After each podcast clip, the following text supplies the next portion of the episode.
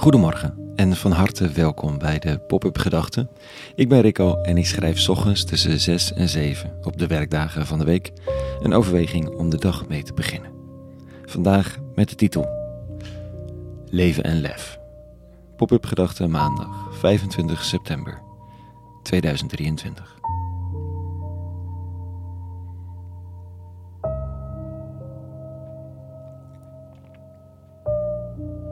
We kennen die wel, van Loesje, dat leven het meervoud is van lef. Een gouden vondst, die sleets wordt als je hem te vaak leest en hoort. Maar inhoudelijk weinig aan kracht verliest. Lef, een noodzakelijk ingrediënt voor leven.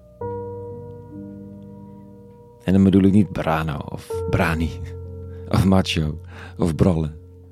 Maar de moed om weer te doen wat er gedaan moet worden door de vrees voor de ander voor mislukken of de vrees voor jezelf heen.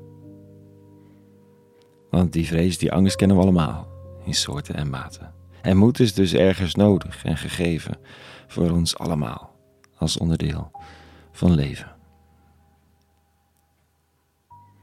Neem nou hier nog dit weekend bij ons in de straat. We organiseren een straatfeest met onze woongroep en de buren.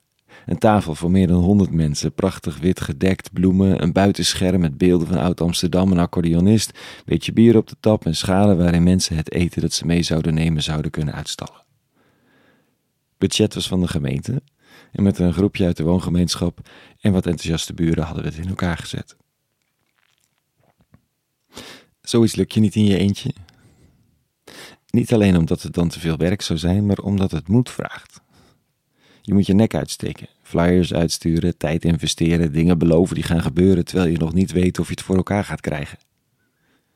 Wat is het de hele dag host van de regen? Overigens behoorlijk reëel scenario afgelopen zaterdag. Je moet bij zoiets en bij duizend andere dingen in het leven eerst de stap zetten, eerst iets beloven, ergens in investeren, er tijd, aandacht, liefde en geld in stoppen voordat het werkelijk wordt met het reële risico dat het mislukt. Dus heb je een onrustig nachtje of is het toch spannend hoe dichterbij de dag komt? Vandaag schrijft de psalmdichter hierover en er staat: Die onder tranen zaaien, zij oogsten met gejuich.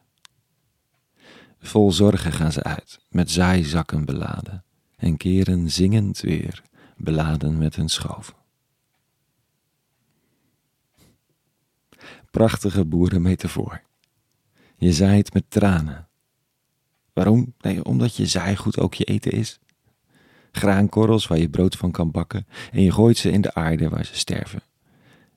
En is het een beetje een hongerige periode, dan doet het pijn om zo je eten weg te gooien. Kostbare tijd te investeren, kostbaar graan in de modder te gooien. Met het reële risico dat de oogst mislukt. En dan heb je niks, hè. Dan heb je nu honger en straks honger. Dat kan. Maar dan komt het graan op, groeit hoog en rijk en niets is gezegender dan dat. Tijd om te oogsten en te zingen.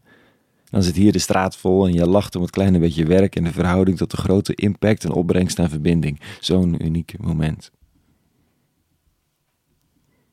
Leven en lef. Ze zijn best wel onlosmakelijk verbonden. Niet de brano, niet de macho of het prallen. Maar de kleine en soms grote investeringen die nodig zijn in de ander, in jezelf, in de omgeving om iets, iets goeds teweeg te brengen zonder garanties. Of gewoon investeren in rust in jezelf omdat het nodig is, omdat het anders niet goed met je gaat. Gaat die rust helpen? Geen garanties. Maar als het helpt, dan ben je een gelukkig mens. Investeer in je kinderen of je buren, ook zonder garanties. Maar als er dan oogstmomentjes zijn, dan ga je zingend door het leven.